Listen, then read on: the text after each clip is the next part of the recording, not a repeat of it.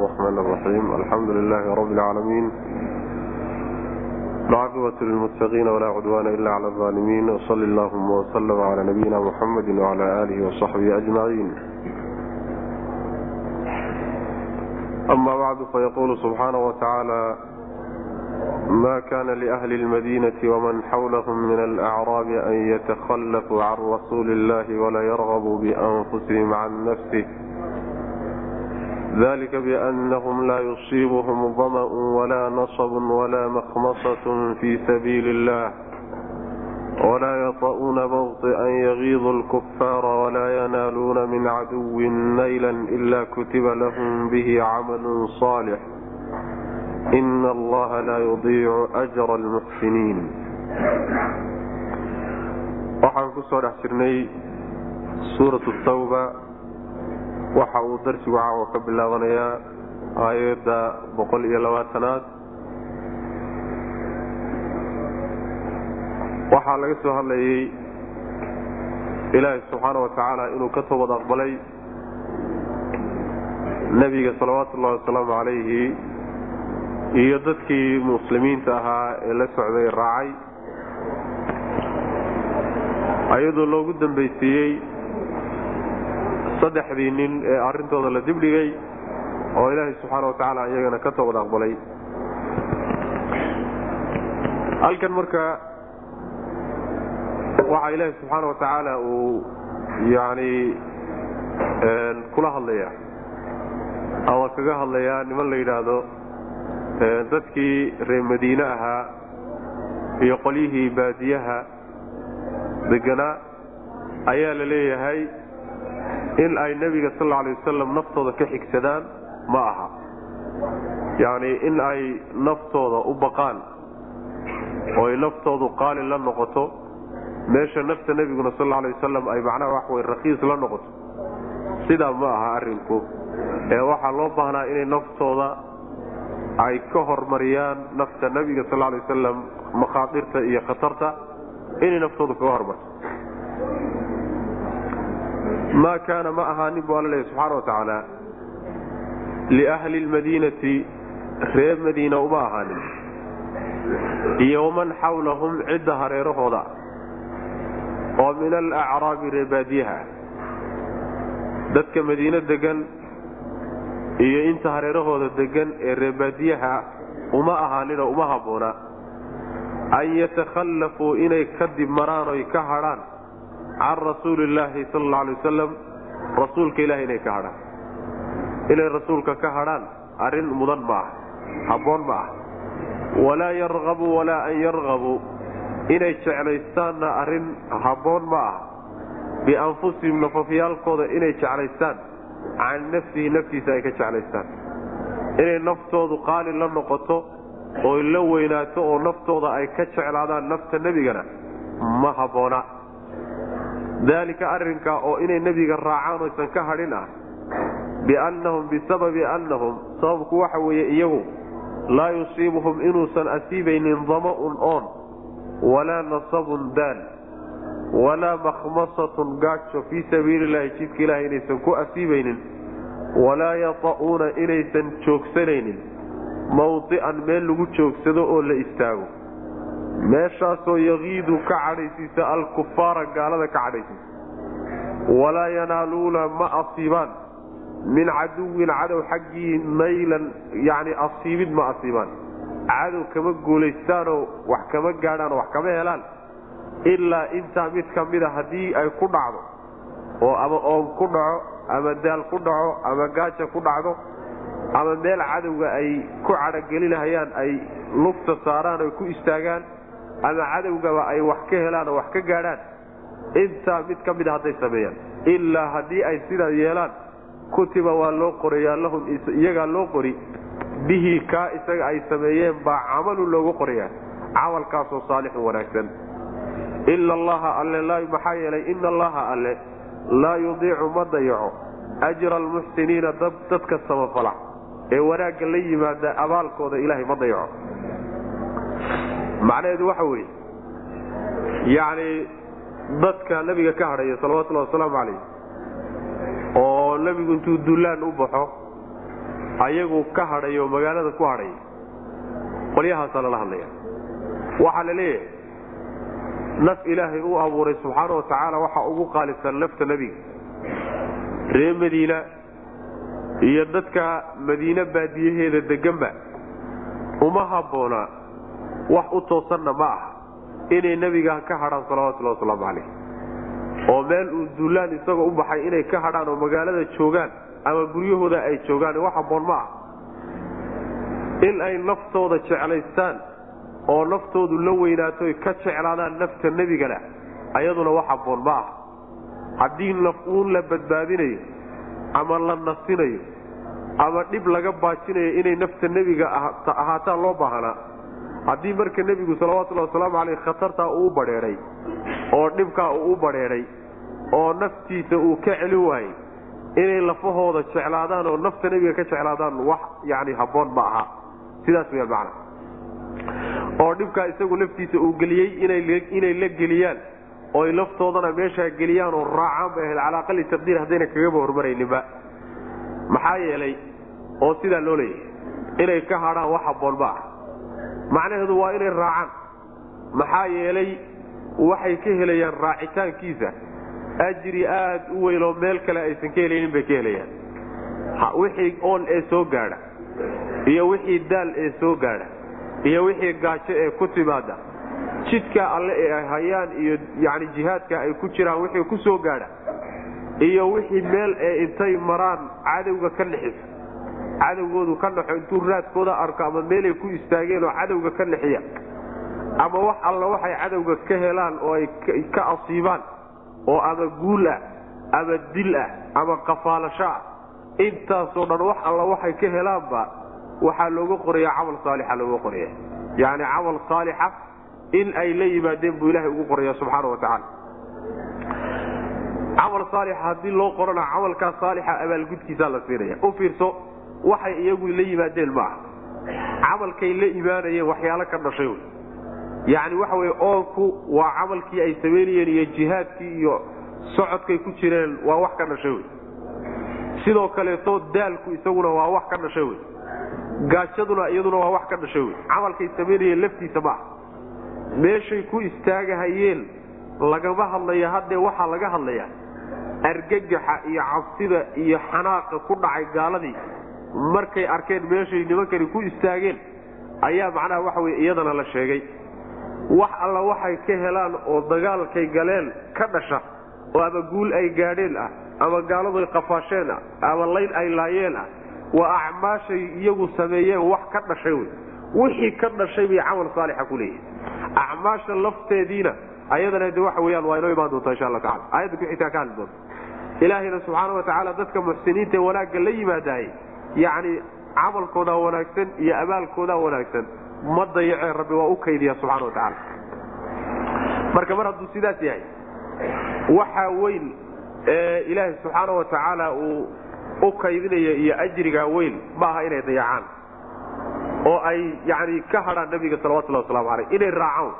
Maadaama intaaba macnaha waxa wey ruuxu intuu jidkaayo iska dhaaf isage xataa daabaduu saaraya gaadiidka uu adeegsanayo dagaalka u adeegsanayo fardaha yani meel alla meeshay maraan raadkay dhigaan iyo xataa maaragtay saaladooda iyo kaadidooda iyo maaragtay daaqay daaqaan iyo kulli ajri baa lagu qoraya iska dhaaf isagu wuxuu la imaanaya macna. Marka waxa intaa la egya ajriga intaa la eg wax la dayaco oo laga hada ma ahe inay baxaan baa ku haboon nimanka noocaasa macna. Maa kaana ma ahaanin liahli lmadiinati reer madiina uma ahaanin waman xawlahum iyo cidda hareerahooda oo min alacraabi reebaadiyaha iyo dadka reebaadiyaha madiine hareeraheeda degan kuma habboona yacni umana fiicna. Wax u qalmana ma aha an yatakhallafuu inay ka hadhaan can rasuulillaahi inay rasuulka ka hadhaan. Rasuulka ilaahay inay ka hadhaano ay duulaanka kaga hadhaan wax habboon ma aha. Walaa yarqabuu walaa an yarqabuu inay jeclaadaanna wax habboon ma aha bianfusihim nafafyaalkooda inay jeclaadaan can nafsihi naftiisa inay ka jeclaadaan. Inay naftooda jeclaadaano naftooda u turaanoo dhibka ka ilaaliyaan oo nafta nebiga sal lay waslam ka jeclaadaanna wax habboon ma aha macnaha meesha nafta nebiga loo quuday iyo dhibka la geliyey iyo oonka ay u badheedhay iyo gaajaday u badheedhay iyo daalka ay u badheedhay iyo khatarta ay gashay inay lafahooda meeshaa kala bakaylaan ma aha maxaa yeelay laftii nebigaoo ka karaamo badan oo lafahoodao dhan ka fiican ayaa meesha gashay. Inay marka naftooda yani yani liidata ay kor u qaadaan oo ka jeclaadaan ma ahayne nafta nebiga inay jeclaadaan oo hormariyaan iyada saasaa loo baahnaa macnaha walaa an yarqabuu inay jeclaadaanna wax aboon maaha bianfusihim nafyaalkooda can nafsihi laftooda ay ka jeclaadaan. Yani nebiga salawatullahi wasalaamu calayh bal iimaanka ruuxa kaamil kamaalkiisa ku taagan. Ruuxa iimaankiisa ma kaamil noqonaya mu'minkaa ilaa uu nebiga salawatullahi wasalaamu calayhi ka jeclaado wax walba xataa naftiisa. Laftiisa xataa. Waa inuu nebigu salawatullahi wasalaamu calayhi agtiisa ka horeeyo oo uu nebiga ka jecel yahay salawatullahi wasalaamu calayh waa kii nebiga salawatullahi wasalaamu calayh ku odhan jira xadiidka cumar. Cumar bin khadaab waa kii ku odhan jiray. Yacni mid idinka idinka mid a ma uusan rumaynin ilaa aan anugu ka ahaado. Wax walba uu jecel yahay macnaha waxa wey midkuu ka jecel yahay anugu ka noqo xataa eheladaada iyo xoolahaada iyo naftaada iyo markaasaa cumar wuxuu yidhi radi allahu canhu nebi allow wax walba ayaan kaa jeclahay naftayda mooyaane. Macnaha in kale oo dhan adiga ayaa agtayda ka weyn wax walboo dhan laftayda mooyaane. Markaasuu cumarku nebigu wuxuu yidhi salawatullahi waslamu aleyh oo cumar bin khataab ku yidhi maya ilaa aad naftaada xataa aan aada iga jeclaato oo aan anigu laftaada kaaga soka maro maya buu ku yidhi. Markaasaa wuxuu yidhi cumar radi allahu canhu hadda ayaan naftaydana xataa kaa jeclaa nebi allow. Nebigu salawatullahi wasalaamu aleyh markaasu wuxuu yidhi alaana ya cumar hadda ayuu iimaankaagu cumar uu dhammaystiran yahay macnaha marka nebiga salawatullahi wasalaamu calayhi oo xoolahaaga iyo naftaada iyo ehladaadii wax walba jecesho adduunyada aad ka jeclaataay waxa wey min muqtadayaati liimaan waay. Iimaanku waxyaaluhu keenaya ka mid daalika arrinkaas oo inaysan ka hadhin ah oy raacaani biannahum bisababi annahum sababkiisu waxa weeye in iyagu dadkaas laa yusiibuhum aynan asiibaynin daba'un gaajo ma asiibto daba'un oondhe oon ma asiibo oo kuma dhaco. Walaa nasabun daal iyo dhibaata kuma dhacdo. Walaa makhmasatun gaaja kuma dhacdo fii sabiili illahi jidka ilaahay dhexdiisa kuma asiibto walaa yada'una kuma istaagaan. Mawdican meel lagu istaago. Meeshaasoo yakiidu cadho gelinaysa alkufaara gaalada cadho gelinaysa. Meesha ay ku istaageen oo gaalada ka cadhaysiinaysa oo ay ka xumaanhayaano ama argagax ku ridaya ama ciil iyo xanaaq ay macnaha waxa wey ugu dhacaya meesha ay muslimiinta ku istaageen. Kuma istaagaan meel ay ku meel lagu istaaga kuma istaagaan oo gaalada ka cadhaysiinaysa walaa yanaaluuna ma gaadhaan oo ma helaan. Bilcaduwil cadowga xaggiisa ma asiibaan. Naylka waxaa la yidhahdaa yani taqriiban guusha oo kaleetay la macno tahayo markaad faa'iide ka gaadho barnaamijkaad doonaysay baa dhaala la yidhahdaa macnaha. Waxaa laga wadaa kama guulaystaanoo cadowga ama qafaalasho ha noqoto ama layl ha noqoto ama xoolo kuwaad oo laqaato ha noqote kulligeed macnaha dhaala la yidhahda macnaha walaa yanaaluuna ma helaan oo ma gaadhaan. Min caduwin cadowga xaggiisa naylan wax la gaadho gaadhitaan ma gaadhaanoo ma asiibaan wuxuu kama helaan wy ilaa intaa mid kamida haddii ay sameeyaan kutiba waa la qori lahum iyaga. Bihi kaa isaga camalun baa loogu qoraya saalixun oo wanaagsan. Camal saalixa ayuu ilaha ugu qoraya subxana watacaala wax kastaoo gaalada dhib u geysanaya wey. Dagaalku markaa muslimiinta ka dhexeeya ee xarbiyiinta ah ayaa macnaha waxa wey ajri laysaga qoraya wax kale iska dhaasa kalixintiis wax alla wuxuu ka naxayo ama ka argagaxayo ama cabsi ku beeraya ama xataa ka xanaajinaya? Waa ajri wa ruuxa muslimkee ka dhixiyey waxba waa gaadhsiin haddaad ka dhixisa xataa ajri wa sidaasuu ilahi subxaana watacaala tilmaamayaayo meel ka cadhaysiisa gaalada meel ay muslimiintu mareen intay soo maraan hadday raadkooda arkaanoo ay wadnuhu uu boodo oo ay sidaa ku dhaxaan ajri baa loo qori dadka saa uga dhixiyey ninkii wax ka badan gaadhsiiyana waaba ka sii macnaha taasi waxay raddi ku tahay. Dad badan oo hadda yani u ah looyaro u ah dadka gaalada ee muslimiinta gumaysanaya looyaro oo difaacaya waana muslimiin. Yani maxaa argagixisada loogu wadaa oo maxaa dhibka loogu samaynaya? Oo maxaa looga nixinaya oo soo binu aadan ma ah kuwanay gumaysanayaane nafta u keeneen ay neeftii ku dhajeen iyagu soo bini-aadan ma ah yacni maqaayiistii dhannaabaa waxay noqotay xataa muslimiintii inay gaalada u adeegaan oo difaacaan macnaha allana subxaana wa tacaala wuxuu ku taqriirinayaa kitaabkiisa dadka acdaada ee islaamka iyo muslimiintaba acdaada u ah wax kale haddaan la gaadhsiina xataa in laga nixiyo macnaha sidaas ina allaha alle laa yudiicu ma dayaco ajra almuxsiniina dadka muxsiniinta ee wanaagga sameeya abaalgudkooda ilaahay ma dayaco marnaba macnaha waa u kaydinayaayo markaa kadibna rabbi wuu siin doonaa subxana wa tacala walaa yunfiquuna ma bixiyaan nafaqatan nafaqo wax la bixiyo ma bixiyaan. Sagiiratan oo yar walaa kabiiratan iyo mid weyntoona walaa yaqtacuuna ma gooyaan waadiyan tog na lugkuma gooyaan. Ilaa haddii ay sameeyaan kutiba waa la qori lahum iyaga ayaa loo qorayaa dalika alcamalu camalkaasaa loo qodoraya. Maxaa loogu qorayaa liyejziyahum allahu inuu ilaahay ku abaalmaryo daraaddeed. Axsana maa shayka ugu wanaagsan kaanuu ay ahaayeen yacmaluuna kuwa sameeya haddana waxaa loo yimi acmaashii iyagu ay la baashirayeen. Taa hore waxay ahayd acmaashay iyagu samaynayeen wixii ka dhalanayay raadka ka imaanayay buu ahaa.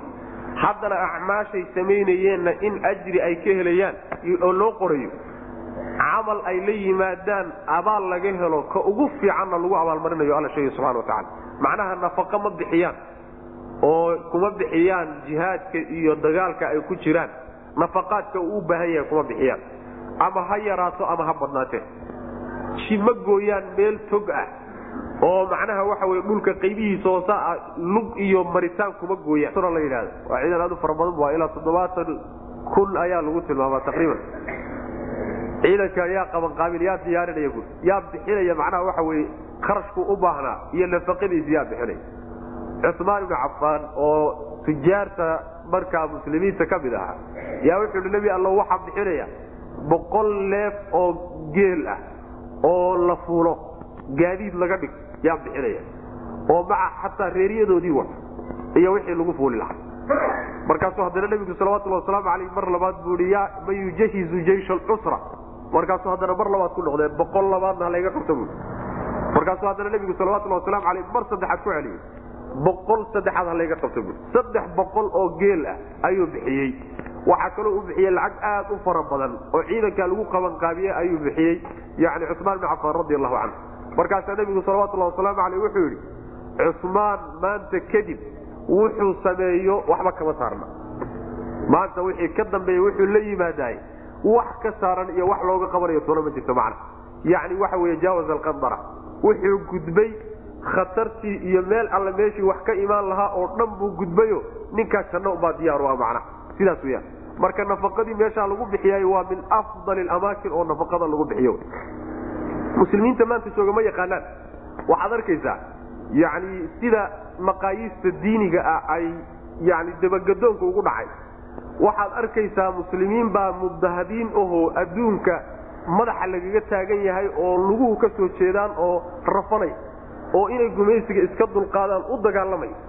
Waxaad arkaysaa muslimiintii akniyadaha ee tujaarta ee xoolaha hayd. Waxaad arkaysaa kuwii ugu roonaayo xataa wadaadada ahaa.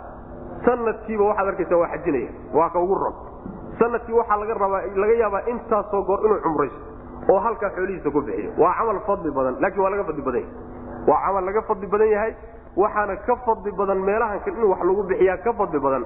Midka xajka sunnada iyo cumrada sunnada lagu aadayo safarada kale caadiga ee adduunyada kuwa lagu aadayo iskaba dhaaf macna. Waa meelaha aan dadka intooda badan garanaynin. Bal waxayba noqotayba maanta in ay arintaasi laguba tiriyaba oo dadku ay ku tiriyaan inay tahay barnaamij degdeg ku jiro. Oo barnaamij aan loo baahnayn maanta in laga dhawaajiyo uu yahay bal waxaaba la gaadhay oo maanta aan marayna. Ninkii soo qaada in la yidhaahdo waa nin daba yani doonayo ummadda inuu dabahambooriyo oo meelo baas ka tuuro nin doonaya wey. Waa ninkii xataa kelimadaa soo qaado. Mustawuhu meeshu inala maray.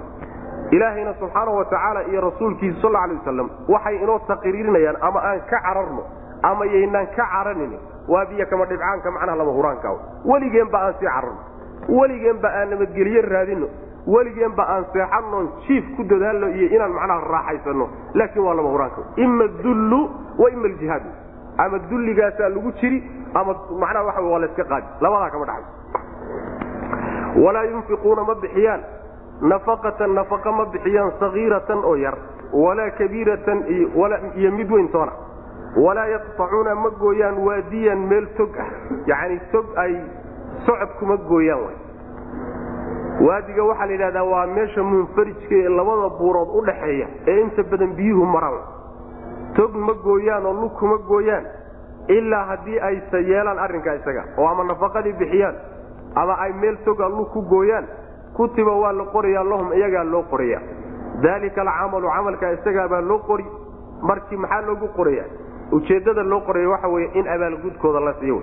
Liyejziyahum allahu inuu ilaahay ku abaalmariyo daraaddeed axsana maa ay jazaa axsana maa shayka ugu wanaagsan abaalgudkii shaygaasoo kaanuu ay ahayn yacmaluuna kuwa sameey shaygay samayn jireen iyo acmaashay la imaan jireen ka ugu fiican abaalgudkiisa inuu ilahay ku abaalmariyuu doonaya subxana watacala wma kana almu'minuuna liyanfiruu kaafa falowlaa nafra min kuli firqati minhum طaa'ifat yatafaqahuu fi ddiini waliyundiruu qawmahum ida rajacuu ilayhim lacalahum yaxdaruun wamaa kaana almu'minuuna mu'miniintii maynan ahaanin liyanfiruu kuwa baxaya kaafatan xaalay wada idilyihin ayagoo idil kuwa baxaya maynan ahaanin. Falowlaa nafara hallaa nafara may baxaan marka.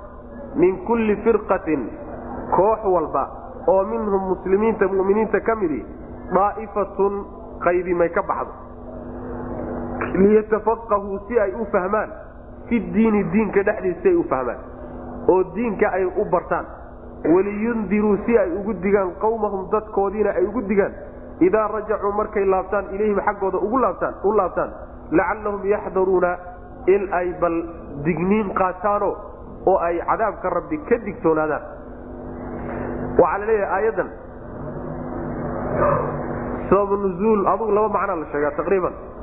Laba macno ayaa labadaba la sheegaa ona waxay leeyihiin aayaddani markii munaafiqiinta laga soo sheekeeyey oo aad loo soo fadeexeeyey ayaa marka muslimiintii waxay yidhaahdeen dib dambaba nebiga salawatullahi wasalaamu calayhi duulaan uu baxaya ka hadhi mayno duulaan uu diray oo isagu ka hadhayna ka hadhi mayno maadaama raggii hadhay fadeexooyinkii hadda aan soo marna ay ku dhaceen oo aad loo dhaleeceeyey duulaan dambe oo la baxay ama nebigu ha raaca ama yuusan raacina kaba hadhi mayno waxay noqotay marka waxaa dhici jiray nebigu salawatullahi wasalaamu calayhi inuu saraayaad diro saraayaadka waa ciidanka yare kooban. Inuusan raacin. Muslimiintii marka inay yidhaahdaan maadaama duulaan la baxay yaylaan kala hadhine duulaanka aan raacno oo nebiga keligii laga tago. Madiina isagu joogo arrinkaasaa marka la saxayo waxaa la leeyahay inaad iswada raacdaan oo nebiga ka tagtaan oo isagoo madiine jooga ma ahe oo duulaan u baxdaane waa inay qaybi baxdo oo ay duulaan tagto. Qaybna ay soo hadho. Qaybta soo hadhay waxay marka baranaysaa iyadoo lafteeda hawl bay qabane waxay baranaysaa waxyigii intaa soo degayey muddada qoladani maqantao duulaanka ku maqan tahay waxyigii nebiga ku soo degaya salawatullahi wasalaamu calayh ayay baranayaan oo diintiibay sii baranayaan qoladaasi markay diinta bartaan iyo waxyigii soo degayna kuwii duulaanka ku maqnaa markay soo laabtaan ayay wixii soo degay barayaan. Wixii soo degay intay maqnaayeen iyo diintii soo degtay ayay markaa fahansiinhayaan oo barayaan macna. Marka saa in laysu qaybiyo qaarna cilmigii ay sii xambaaraan oo nebiga la sii joogaan qaarna ay duulaanka aadaan.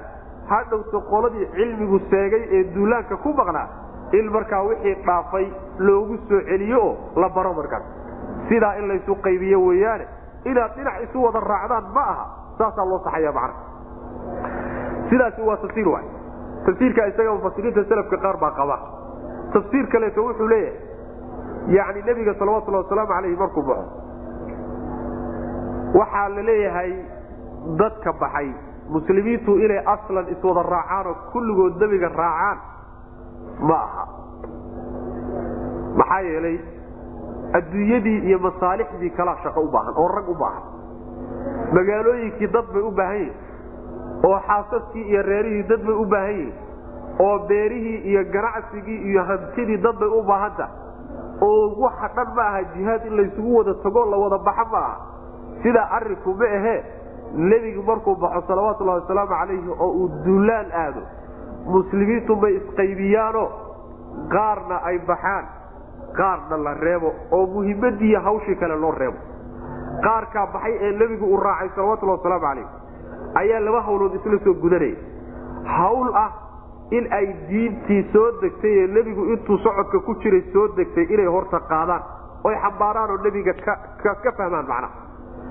Iyo inay soo jihaadaan oo soo dagaalamaan qoladii nebiga la socotay markay soo laabtaan oo magaalada ku soo laabtaan ayagoo soona dagaalamay cilmigii intaa soo degayna xambaarsan markay soo laabtaanna qoladii hadhay oo cilmigii iyo jihaadkiiba dhaafay ayay cilmigii fahansiinayaan macna waa markay qolyahaasi nebiga la soo laabtaan salawatullah waslamu caleyh sidaana waa tafsiir kaloo mufasiriinta qaar ka mid a qaba.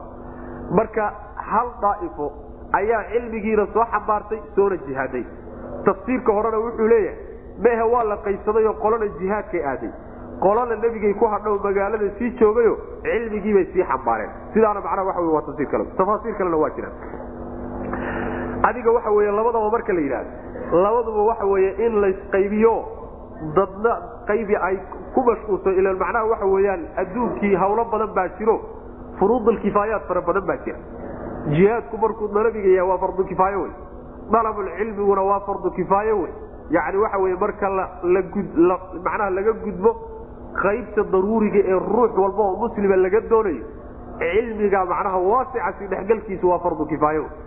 Marka labada fardu kifaaye mid uun inta laysugu wada tago ka kale in la dayaca ma ahee waa inuu kana socdo rag ku mashquulsanaadaan. Kana socdo oo rag ku mashquulsanaadaan. Sidaasa la doonaya si macnaha wixii isugu dheeli tirmaano baahidii bulshada dibadiina macnaha laga difaaco wadankii iyo dadkii iyo diintii laga difaaco oo rag difaaca le gudihiina diintii ayna ka dayacmine rag dadkii baro oo u taagnaado oo macnaha waxa wey culimo ah in la helo wey macnaha. Sidaas weya wamaa kaana almu'minuuna mu'miniintii maynan ahaanin. Liyanfiruu kuwa baxa maynan ahaanin oo dagaalka u baxa. Kaafatan xaal ay kuwa idil yihiin. Ayagoo dhan in ay wada baxaan ma aha falowlaa nafara hallaa nafara may baxaan muu baxo min kulli firqatin koox walba xaggooda may ka baxdo oo minhum mu'miniinta ka mida daa'ifatun qayb may ka baxdo qayb iyaga ka mida koox walba may baxdo qaybta kalena may hadho liyatafaqahuu si ay u fahmaan fi diini diinka si ay u bartaan qolada diinta baranaysa markay yayihiin labada tafsiir kolba kaa tidhaahda ayaad u celinaysaa macnaha liyatafaqahuu qoladii baxday ee nebiga raacday si ay u bartaan fi diini diinka si ay u bartaan. Waliyundiruu si ay ugu digaan qawmahum qoladoodii waa dadkii hadhay wey. Idaa rajacuu markay u soo laabtaan ilayhim xaggooda u soo laabtaan. Markay duulaankii nebiga kala soo laabtaanna cilmiga ay soo xambaareen dadkii magaalada sii joogay markaa ay baraan. Ta kaleta haddaad martana waxay noqonaysaa liyatafaqahuu qoladii magaalada ku hadhay ee nebiga la sii joogtay in si ay u fahmaan fi diini diinka si ay u fahmaan oo ay diinka nebiga iyo waxyigii soo degaya ka xambaaraan. Waliyundiruu in ay markaa digaan qawmahum dadkoodii ay u digaan. Oo markaa waxay noqonaysaa ama yani tololkii iyo qabaaishay ka dhasheen ama qoladii sariyada ku maqnayd ee duulaanka ku maqnayd markay soo laabtaan. Waliyundiruu qawmahum qowmkoodii si ay ugu digaan idaa rajacuu markay soo laabtaan qowmkii ilayhim iyaga u soo laabtaan lacallahum yaxdaruuna si ay u digniin qaataano u cabsadaan oo alla subxaana watacaala cadaabkiisa ay digniin uga qaataan macnaha marka labada hawloodba waa laba hawloodoo muhima wey laba hawloodoo kala maarmi weye in ummadda culimo loo soo saaro oo dad cilmiga nashriyo la helo oo culimo waaweyn oo diin ahaan marjiciyo loo laabto in la soo saaro oo dad cilmiga ku mashquulo la helaayo waa masale laga maarmaan cilmi la'aanna lama noolaan karo ummaddu jahli hadday isugu dhacdo siduu nebigu sheegay salawatullahi wasalaamu calayh yani waa la halaagsay halaag baa imaan. Khaasatan awaakhiru zamaanka hadda la joogo oo kale oo nebigu uu sheegay salawatullahi wasalaamu caleyh cilmigu inuu yaraan doono culimaduna ay yaraan doonto oo dad juhalaa ay dadkii qabsan doonaan markaasay diinta wax uga sheegi doonaan u fatwoon doonaan markaasay iyaguna lumayaan dadkana luminayaan waktiyadii baa lagu jira in marka cilmiga iyo barashadiisa iyo ku dadaalkiisa xoogga la saaraayo waa arrin lagaga maarmaan wey nolosha ummadaana ku jira. In ummadda laga helo qayb difaacda oo u taagan inay diinta rabbi subxaana wa tacaala ay dhiiggeediiyo xoolaheeda ku difaacdana waa mas'alo lagaa maarmaan ah wey labada arrimoodna wax isdubinaya ma aha labaduba daruuriyaat lxayaat bay ka mid mid kamida haddii la waayona ummad islaam la yidhahdo masi jirayso ummad islaam la yidhaahdo islaamku siduu ahaa ugu dhaqanto oo si buuxda macnaha waxa wey ugu dhaqanto oo xuduudiisii iyo dawladiisii iyo bulshadiisii iyo nadaamkiisii iyo kulli dabaqdaay lama helayo sidaas weyaan macnaha. Taasi waa xaqiiqo la soo taabtay wy nusuustaana in fara badan inoo tilmaamay. Marka labadaa hawloodba waa laba hawlood oo loo baahanya ruuxa muslimkaa marka labadaa mid ka mid a ku mashquul. Ama dalabulcilmi ku mashquul. Iyo barashadiisa iyo dadka baritaankiisa. Ama furinta iyo dadka difaaca iyo diinta difaaceeda ku mashquul laakiin hadal yaal meelaha lala taagtaaglaan. Hadal unbaa waxtar ahayn meelaha inta jidadka laistaago un hebel baa kan ahaa iyo hebel baa halkaa ka dhacay iyo hebel baa meel heblo maray iyo taasaan ummadda waxay ugu taalla diinna waxba ugu oolin. Ruuxina dhib soo gaarsiinaysa. Laakiin labadaa furimood midkaad ka hawlgashaba adigiina is-anfacday diintiina anfacday aakhiradaadina waa dhistay. Saasaa loo baahanya ya ayuha aladiina aamanuu qatiluu ladiina yaluunakum min alkufaari waliyajiduu fiikum hilda waclamuu ana allaha maca almuttaqiin yaa ayuha aladiina kuwa aamanuu rumeeyeyo qaatiluu dagaalama alladiina kuwii la dagaalama yaluunakum idinku xigay oo min alkufaari gaalada gaalada kuwa idinku soo xiga la dagaalama walyajiduu ha heleen fiikum dhexdiina hildatan ad adayg ha idinka qallay iyo adkaan ha idinka heleen. Dabacsanaan yan idinka helen waclamuu waxaad ogaataan ana allaha alla maca almuttaqiina kuwa isaga ka cabsadu inuu la jiro. Sidaana ogaada. Aayadda waxay tilmaamaysaa yani dadka deegaamada gaalada waa inoo kala sokeeyaan. Cidda dagaalka lagu hormarayo lala dagaalamayo yihiin. Waxaa la leeyahay kuwa idinku xiga ku bilaaba. Kuwa idinku xiga say idinku kala sokeeyaanna alaqrab falaqrab ugu xijiya. Sidaas wey macnaha. Waxaa la leeyahay marka ma qaarkood haddii ay maslaxadu keento kuwan kugu xigay inaad heshiis la gasho kuwa kaa shisheeyana aad ku bilowdo cadowtinimadooda ama ka xoog badan mar qaarkood waa furan tahay macnaha. Laakiin asalku waxa kuwa kugu xigay inaad ka bilowdo. Sidaasay macnaha fuqahadu odhanayaan. Kadibna wuxuu alla leeyahay subxaana wa tacaala adayg ha idinka heleen macnaha dad jilicsan oo dabacsan oo la daliishado oo cadkooda bilaash lagu qaata yaan laydinka dhiganine dad ad adag noqdo gaalada ku adkaada. Tilmaantaasi waa tilmaanta ilahi subxana wa tacala dadka muslimiinta ku tilmaamay. Xaggaas waa inagii soo marnay yaa ayuha nabiyu jaahid lkufaara wlmunaafiqiina waqlud calayhim. Ku adkow bu alla subxana wa tacala waxaa tilmaantaasi sidoo kaleeta alla ku sheegay muxamadun rasuulu llah wladiina aamanuu macahu wladiina macahu ashidaau cala lkufaari ruxamaau baynahum yani gaalada waa ku ad adag meel aad meel macnaha waxa wey qur'aanka ka mid a ama sunnada ka mid ah oo gaalada dabacsanaan u muujiya oo miskiinnimo u muujiya oo daciifnimo u muujiya la odhanayo weliga arki maysa meel uun ad adkaada oo xaqa lafsanaada oo idinka dhexdiinnana isu dabacsanaada inaad aragta mooyaane. Meel war gaaladana macnaha waxa wey u tura oo u dabca oo u jilicsanaada idinka markaad isku soo laabataanna huf iska dhigo waxba iska reebina. Meel lagu sheegaya weliga maysa. Waa qaabka yaalla hadda macnaha waxa inoo yaalla marka gaalada ku adkaada bu rabbi leeyahy subxana wa tacaala sidaas weyaan yacni sidaana waxaa keenaya ma aha inay macnaha naxariis darrata ee waxaa keenaya dabeecada ibni aadamka allihii abuuray baa yaqaan. Gaalkan daalimka ah rabbigii abuuray subxaana wa tacaala baa inaga yaqaan dabeecada lagula noolaan kare ee lagu wada jiri karaaba waxay tahayba qalafsanaantaas maalinta qalafsanaanta uu kaa waayo oo goljileec uu kaa dareemo oo dabacsanaan uu kaa dareemo wuu kugu durdurini waa sida hadda taalow.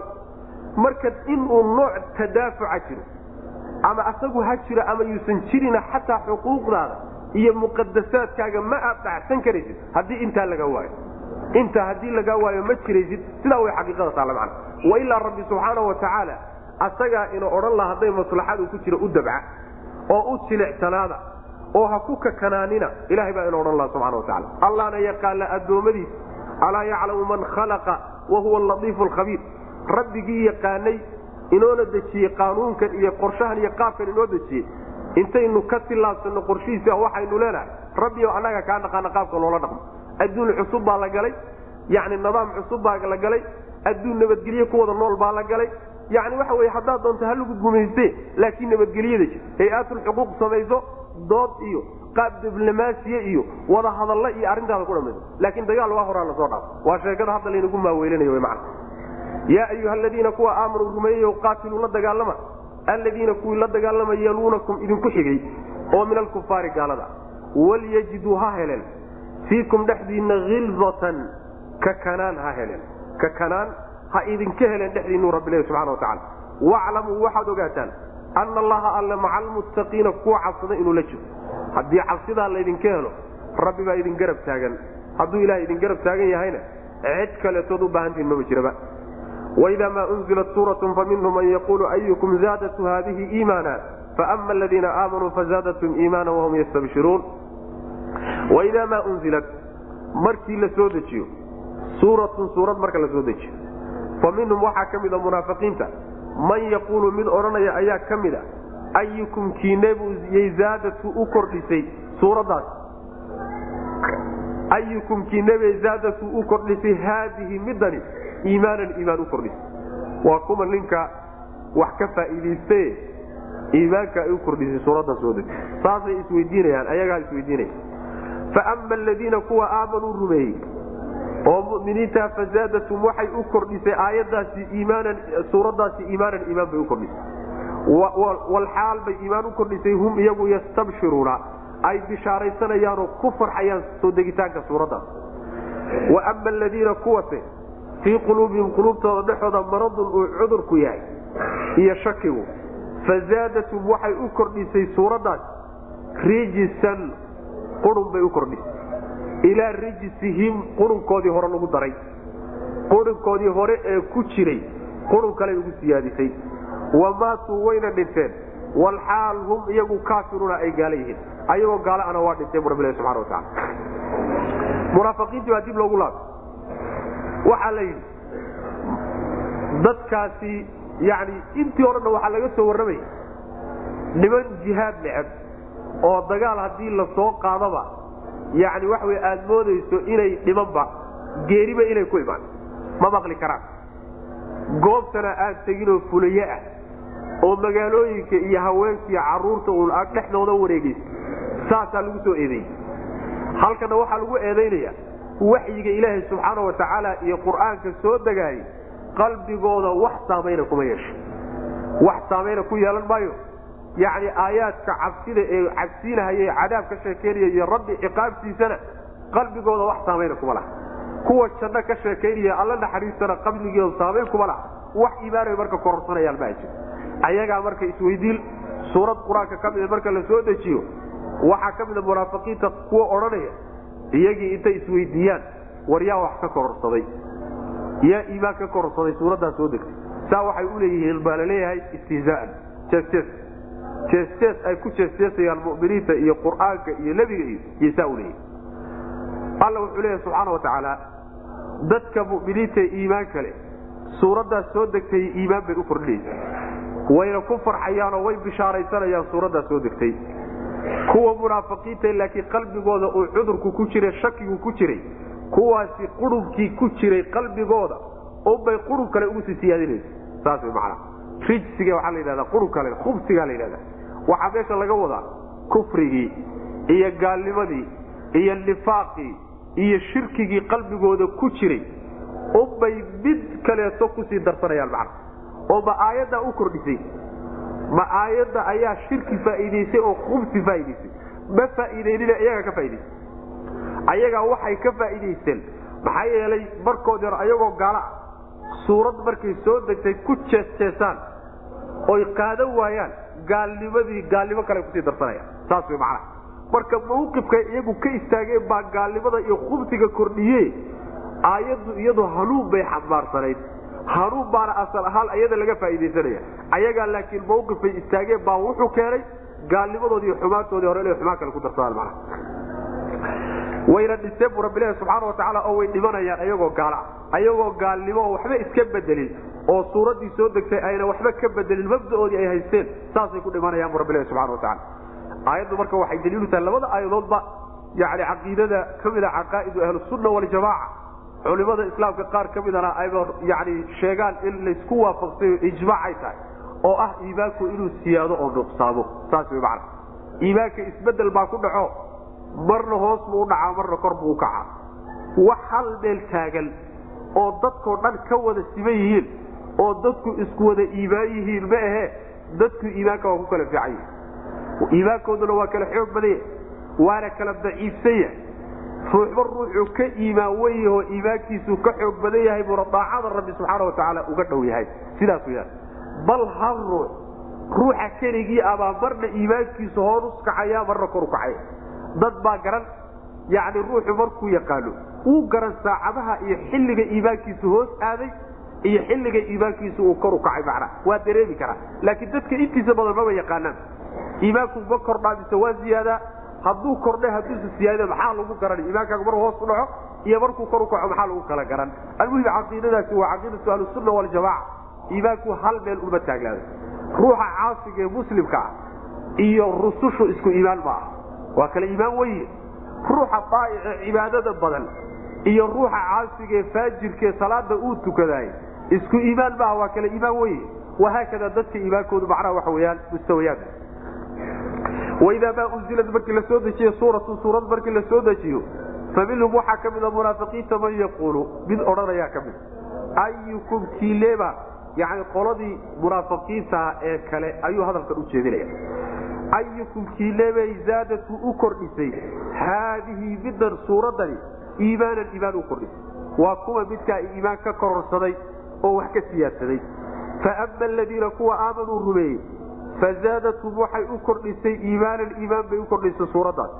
Oo ruuxa muminkaa mar walba oo uu suurad ama aayad soo degtay ku camal falo iimaan buu ka siyaadsanaya aayad aadan hadda kahor ku camalfali jirin markaad ku camalfasho iimaankaaga kordhay. Mid kaleetooda ku camalfali jirin markaad ku camalfasho iimaankaaga kordhay. Wahaakada iimaan bay ka siyaadsanayaan walxaal bay iimaan kororsanayaan hum iyagu yastabshiruuna ay bishaaraysanayaanoo ku farxayaan soo degitaanka suuraddaas waama aladiina kuwa fii quluubihim quluubtooda dhexooda maradun uu cudur ku yahay. Maradkan waa kaan ku soo marnay fii suurati baqara maradka waxaa laga wadaa maradu shaki waay. Maradka laba qayboodo marad waxa weya maradu shaki wa shuhba ama maradu shubha wa shahwa labadaa marad waay. Waa maradu shubha marka. Yacni munaafaqnimada iyo gaalnimada iyo yani bidcanimada iyo amraadda noocaas oo kaleeta waxaa la yidhahdaa maradu shubha la yidhaahdaa jacaylka macaasida la jeclaado oo qalbigaagu ku xidhmo sida zinada oo kale iyo yani sariqada iyo waxyaalahana waxaa la yidhahdaa waxyaalaha keena ee qalbiga la xidhiidha. Waxaa la yidhahdaa maradu shahwa la yidhahda marka waxa wey maradka kadaata waa maradka quluubta ku dhacaw waxaana laga wadaa shakiga laga wadaa. Ama aladiina kuwa fii quluubihim maradun uu cudurku yahay iyo shakigu waa munaafiqiintii fazaadatum waxay u kordhinaysaa aayaddaas suuraddaas. Rijisan qurun bay u kordhinaysaa. Ilaa rijsihim qurunkoodii hore lagu daray. Qurunkoodii hore ubay qurun ugu dari macnaha waxa wey way ka kororsanayaan oo markay diidaan oy ku camalfali waayaan. Munaafiqnimadii iyo gaalnimadii hore ilaahay wuxuu ku ciqaabayaa su kale in dusha laga sii saaro. Sidaas weyaan ka tegitaankay ka tageen suuraddaas soo ku dhaqankeeda. Wamaatuu way dhinteen way dhimanayaan baa laga wadaa walxaal hum iyagu kaafiruuna ay gaala yihiin. Awalaa yarawlaa miyaysan arkaynin.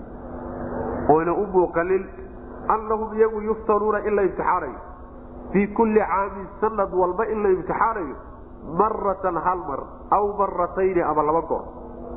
Uma markaa kadibna laa yatuubuuna ma ay toobadkeenayaan walaa hum mana aynan ahaan yadakaruuna kuwa waana qaadanaya rabaysnaaan yani soo uma muuqato in sanadkiiba laba goor ama hal goor la imtixaanayo oo haddana ayna toobad keenaynin waana qaadanaynin maxaa laga wadaa? Imtixaankaas laba macno way sheegaan mufasiriintu sanad walba hal goor hal goor ama laba goor imtixaanku ilahay imtixaanaya waxa weye waxaa lagu imtixaanayaa musiibooyinka ilaahay uu addoommada ku keeno.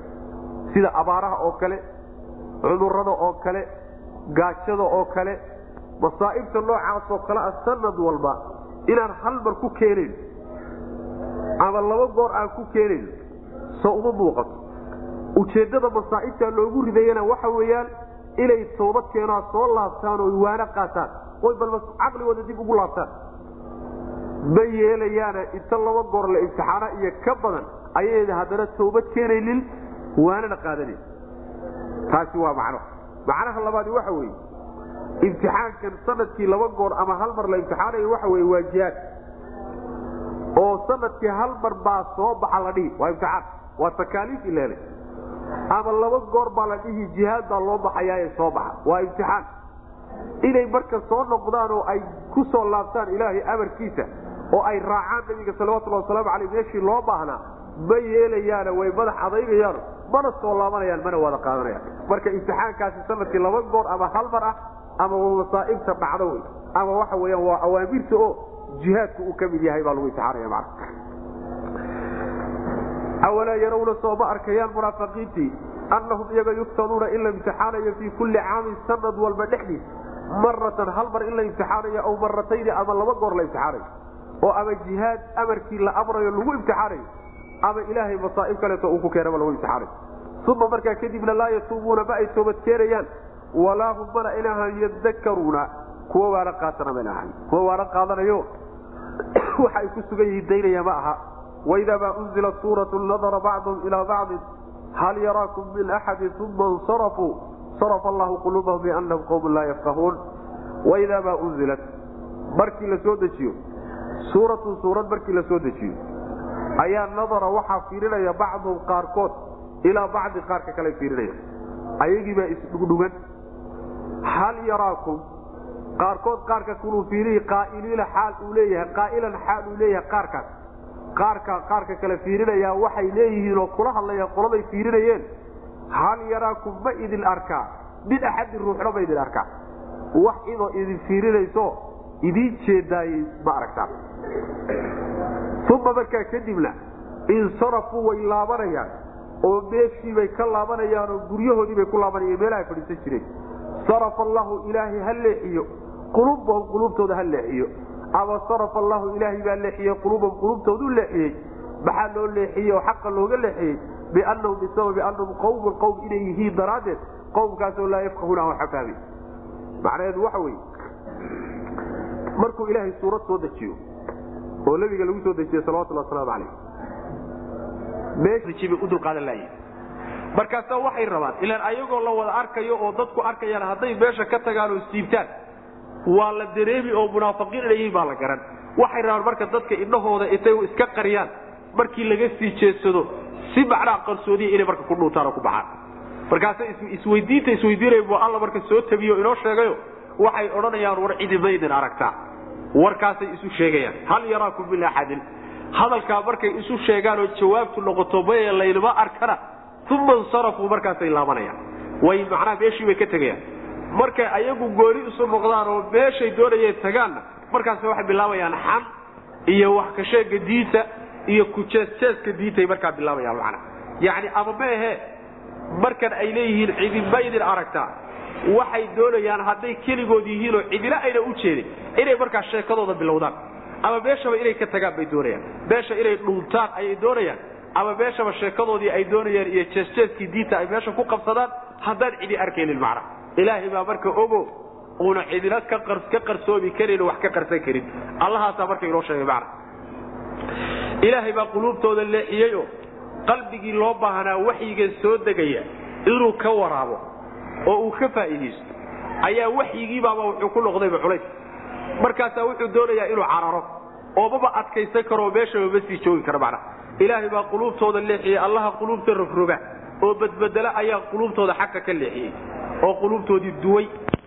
Maxaa yeelo quluubtooda loo duway? Waxay ahaayeen waa qolo aan waxba fahmaynin wey oo aan ku yihiin bay tegayaan sharafa allaahu ilaahay baa rogay.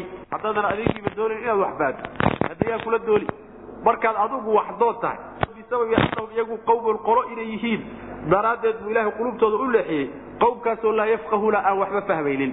Xaqa aan fahmayn ilahay soo dejiyey subxana watacala laqad jaa'akum rasuulu min anfusikum casiizun calayhi ma canidtum xariisun calaykum bilmu'miniina ra'uufu raxiim. Waxaa lagu khatimay suuradda lagu gebagabaynaya ilaahay subxaana watacaala galladaysi uu ku galladaysanayo dadka mu'miniinta ah. Soo diritaankii nebi maxamed la soo diray salawatullahi wasalaamu calayh. Taasoo ah gallad iyo nicmo ilaahay uu bixiyey tii ugu weyneyd oo addoommada la siiya macna laqad jaa'akum xaqiiqe waxaa idin yimid muslimiintiiow rasuulun rasuul baa idin yimid. Rasuulkaasoo min anfusikum nafafyaalkiina xaggooda ka ahaad yani idinla jinsi awa idinla jinsi oo bashar ah. Rasuulkaasoo casiizun ay ku adag tahay calayhi dushiisa maa canidtum ay canatakum dhibkiinu uu ku adagyahay wax alla wixii idin dhibaya waa ku adag yahay macna rasuulkaasoo xariisun mid dadaalaya ah calaykum dushiinna yacni hanuunka idinkula dadaalaya. Ama xariisun midkii bakaylaya ah calaykum dushiinu ku bakaylaya oo bian tadkhulu naara naar inaad gashaan buu idinkala bakaylaya aad wuxuu ugu bakaylayaa lafihiina oo kala bakaylayaa inay naar galaan macnaha sidaana waa la dhihi karaa. Bilmuminiina rasuulkaasoo bilmuminiina muminiinta ra'uufun mid u turid badan ah raxiimun oo u naxariis badan ah rasuulkaasoo muminiinta aad ugu turid badan una naxariis badan.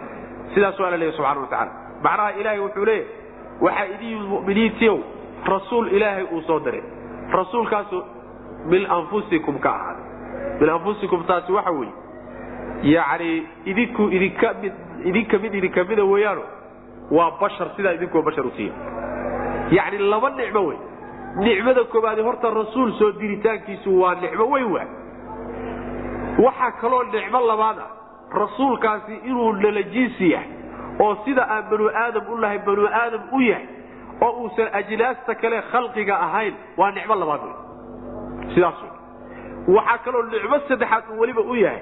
Nimankii laga soo diray dhexdiisa dhexdooda laga soo diray ee dhalashadiisa yaqaanay ee siiradiisa iyo barbaaridiisa yaqaanay ee ammaanadiisa yaqaanay ee qoysku ka dhashay yaqaanay ee luuqada ay ku hadlayaan uu ku hadlahayey ee waxyiga lagu soo dejiyey kuwaana nicmo saddexaad oo dheeraada u tahay.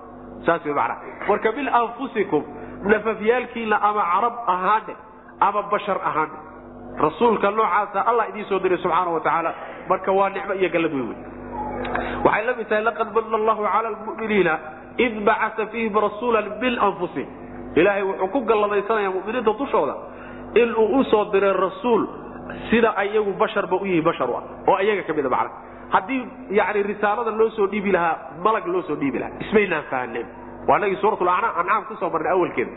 Haddii loo soo dhiibi lahaa cid kale loo soo dhiibi lahaa oon inaga ahaynna maba aynaan macnaha waxa weeye waxaba adkaan lahaydba saan u wada fadhiisan lahayd ama wax u kala qaadan lahayn ba adkaan lahayd. Marka si ay u dhammaystirato ujeeddadii laga lahaa risaalada yuu ilaahay subxaana wa tacaala bashar baa loo soo diray bashar buu ilahi subxana wa tacala inoogu soo dhiibay.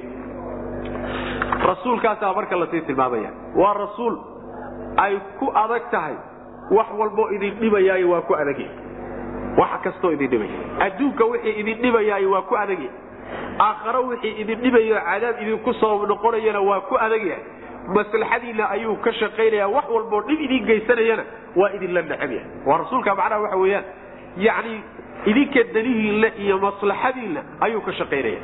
Maslaxadeenna waxaa ka mida wixii dani inugu jirtana in laynoo sheego. Wixii dhib inoogu jirana in laynoo sheego manaa laynooga digo macnaha.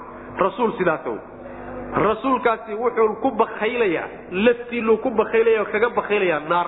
Macnaha naftiinna wuxuu ka celinaya oo sida xoolaha loogu bakaylo oo kaleeto ugu bakaylaya naar ayuu kaga bakaylaya ama xariisun wuxuu ku dadaalayaa calaykum dushiinuu ku dadaalayo hanuun buu idinkula dadaalaya labadaba waa la yidhahda yani shaxiixun calaykum bian tadkhulu naara. Taa waa la yidhahda waxaa kaloo xariisun calaykum yani xariisun calaykum bian tahtaduu wabilhidaaya dushiinana wuxuu kula dadaalayaa inaad hanuuntaan. Maxaa yeele nabiga salawatullahi wasalaamu calayh sida xadiidka saxiixa uu ka odhan jiray uu ku yidhi yani waxaan hayaa buu nabigu yii salawatullahi wasalaamu aleyh guntigaan idin hayaa. Naar baanan idinka hayaa buu nabigu yii salawatullahi wasalaamu calayh idinkuna waad iga farabaxsanaysaano naartii baad ku daadanaysaan sida baalalayd oo kale. Aniguna guntiga meesha laga guntadaan idin hayaayo dib baan idin jidaya macna. Marka nabigu salawatullahi wasalaamu aleyh aad buu idinkala dadaalaya inaad cadaab gashaan. Hanuunna waa idinkula dadaalaya iyo jannada rabbi subxana wa tacala waxa uu u turid badan yahay nabigaas muminiintu u turid badan yahay una naxariis badan yahay buu alla leeyahy subxana wa tacaala inuu u naxariis badan yahay waxaa kutusaysa xataa waxay janno ku gaadhahayeen iyo takaaliiftii sharciga ahayd ee ay abaalguudka way ku gaadhi lahaayeen. Nabigeenu salawatullahi wasalaamu calayhi shayba shayguu ka fudud yahay iyo xugunba xugunkuu ka fudud yahay buu u doorayay ummadda maa khuyira bayna shay-ayni ila khtaara aytarahumaa laba shay nabiga lama doorgelinin salawatullahi wasalaamu calayh ilaa ka fudud buu dooran jiray sala allahu alay wasalam maa lam yakun isman hadduusan dembi ahayn hadduu dembi yahay wuxuu ahaa dadka ka ugu fog buu ahaa. Hadduusan laakiin uusan dembi ahayn laba shayna la doorgeliyo ka fudud buu ummadda u qaadi jiray nabigu salawatullahi waslamu calayh. Waad garanaysaan markii salaadaha la waajibinayey konton salaadood buu ilaahay asalkii soo waajibiyey. Kontonkii salaadood suu u noqnoqonayo nebigu salawatullahi wasalaamu calayh dadaalkaas uu dhiibay yuu rabbi subxaana wa tacaala ummadda ugu naxariistayo shan salaadood ku soo reebay. Marka nabigeenu salawatullahi wasalaamu calayh rukas fara badan buuna bixiyey. Allana subxaana wa tacaala aad buu u weydiistay in waxyaalo fara badan la fududeeyo. Waana fududeeyey rabbi subxana wa tacala marka rasuulka saa idinku turaya oo idinku nugul oo idinku naxariista badan rasuulkaasuu ilaha idiin soo diray subxana wa tacala rasuulkaas macnaa waxa weye rasuulka hala soo diro basharna ha ahaadee haddana rasuul qalafsan oo kakan oo aan idiin naxariisanaynin oo shay culus oo aad ku dhibaataasaan uun mar walba idinla raadsanayahay kaa haddii la soo diri lahaana naxariista waxbaa yani gallada waxbaa ka dhimanaan laha galladii marka waxay ku dhammaystiran tahay rasuul baa la soo diray. Rasuulkiina waa bashar idinkoo kale ah. Bashar ha ahaadee bashar la soo diro ama alla abuuro kii ugu fiicnaa buu ilaha idiin soo diray subxana wa tacala maxaa ka maqan marka intaa allaha idiin galay wuxuu idinka doonayaa marka inaad xamdigeeda iyo mahadnaqeeda la timaadaan. Laqad jaa'akum waxaa idin yimid xaqiiqa rasuulu rasuul baa idin yimid. Rasuulkoo min anfusikum nafsiyaalkiina xaggooda ka ahaaday. Yani idinkuu idinka yimid macnaa bashar buu ka yimid. Rasuulkaasoo casiizun ay ku adag tahay calayhi dushiisa maa canidtum baadu masdariye way. Ay canatakum dhibkiina ayaa ku adag.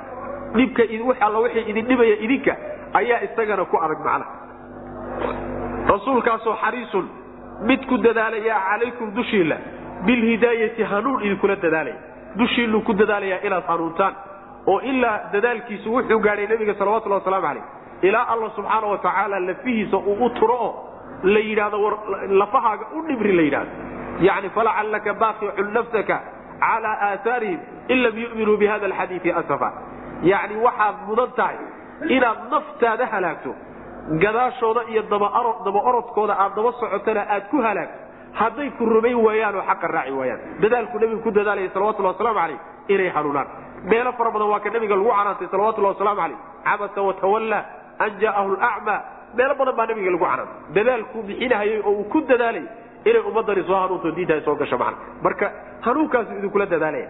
Cadaabna waa idinkala dadaalayaayo. Inaad cadaab gashaan buu macnaha waxa weeye idinkala bakaylaya rasuulkaasoo bilmuminiina muminiinta ra'uufun mid u turid badan ah raxiimun oo u naxariis badan. Waxay isaga lafihiisa u geystaana kama gooste waa u dulqaataa wixii iyaga dantooda iyo maslaxadoodana waa u raadiyaa sidaas wey naxariista macnaha fain tawallow hadday jeesadaan marka. Rasuulkaasaa loo soo diray hadday rasuulkii ka jeesadaan oo diidaan. Faqul waxaad tidhahdaa nebiyow xasbii kaafigayga ugu filani allahu alla wey ilaahay baa cid walba igaga filan laa ilaaha mid xaq lagu caabudo ma jira ilaa huwa isaga mooyaane. Calayhi dushiisaan tawakaltu tala saartay oo arrinkayga u dhiibtay. Wa huwa isaguna rabbulcarshi carshiga rabbigiisa weye carshigii alcaiimi ee weynaa. Carshiga weyn allaha rabbiga waa wey macnaha waxa weye rasuulkii baa marka la hadlaya. Rasuulka haddii ay ku diidaan horta waxaa laguu sii dhibay oo lagu diray waxaa laguu sii dhibay inay qaataan oo dantooda iyo maslaxadaas ay gartaan haddayse garan waayaan oo jeesadaan waxaad ku tidhaahdaa aniga ilahay baa igu filan. Mid idinka idinka mid a haddaad iraaci waayo oo keligay noqdo rabbi baan ku tiirsanaya subxana watacaala allahaasna waa midka xaqa lagu caabudo cid kaloo xaq lagu caabudana aysan jirin. Allahaasaa igu filan subxana watacaala isagaanan tala saartay oon arrimahayga u dhiibtay oon ku xidhnay kalsooni baan isaga ku qabaa. Mar haddaan isaga ku kalsoonahayna cid kaloon ka cabsanba ma jiro haddaad doontaan kulligiin haddaad wada gaalowdaan xataa waxaan ku tiirsanahay allihii kow kala abuuray kaasaan tala saartoon arrimahayga u dhiibtay. Waana allaha carshiga weyn rabbiga u aweyn carshigaa makhluuqaadka rabbi laga xusay makhluuqaadkao dhan buu alla rabbi u yahay carshiga si gooniya waxaa loogu xusay intuu ilaahay abuuray buu ugu wenyahay intuu ilaahay abuuray carshigaa ugu weyn. Carshiguna wuxuu ku wareegsan yahay kownka oo dhan buu ku wareegsan yahay kownka oo dhan toddobada sabo iyo dhulalka iyo makhluuqa oo dhan carshigaa ka sarreeya. Waana carshigu waa makhluuqa dhan meesha ugu sarraysa wey. Waana ka ugu weyn wuuna ku wareegsanya sidaas wey macnaha. Carshigaa marka makhluuqaadka ugu weyn allihii lahaa midkaasaan anigu tala saartay macnaha. Ma cid kalaad u baahan tahay marka. Fain tawallow hadday jeesadaan oo waxa aad ula timid iyo xaqa ay ka jeesadaan faqul waxaad tidhahdaa nebiyow xasbii kaafigaygu allahu alla wey allah ikaafiyo igu filan cid walbana asagaa igaga filan. Laa ilaaha mid xaq lagu caabudo ma jiro ilaa huwa isaga mooyaane. Calayhi dushiisaan tawakaltu tala saartay oo arrimahayga u dhiibtay oon uga dambeeya. Wax alla wuxuu iigu taliyo umbaana yeeli waana ku kalsoonay.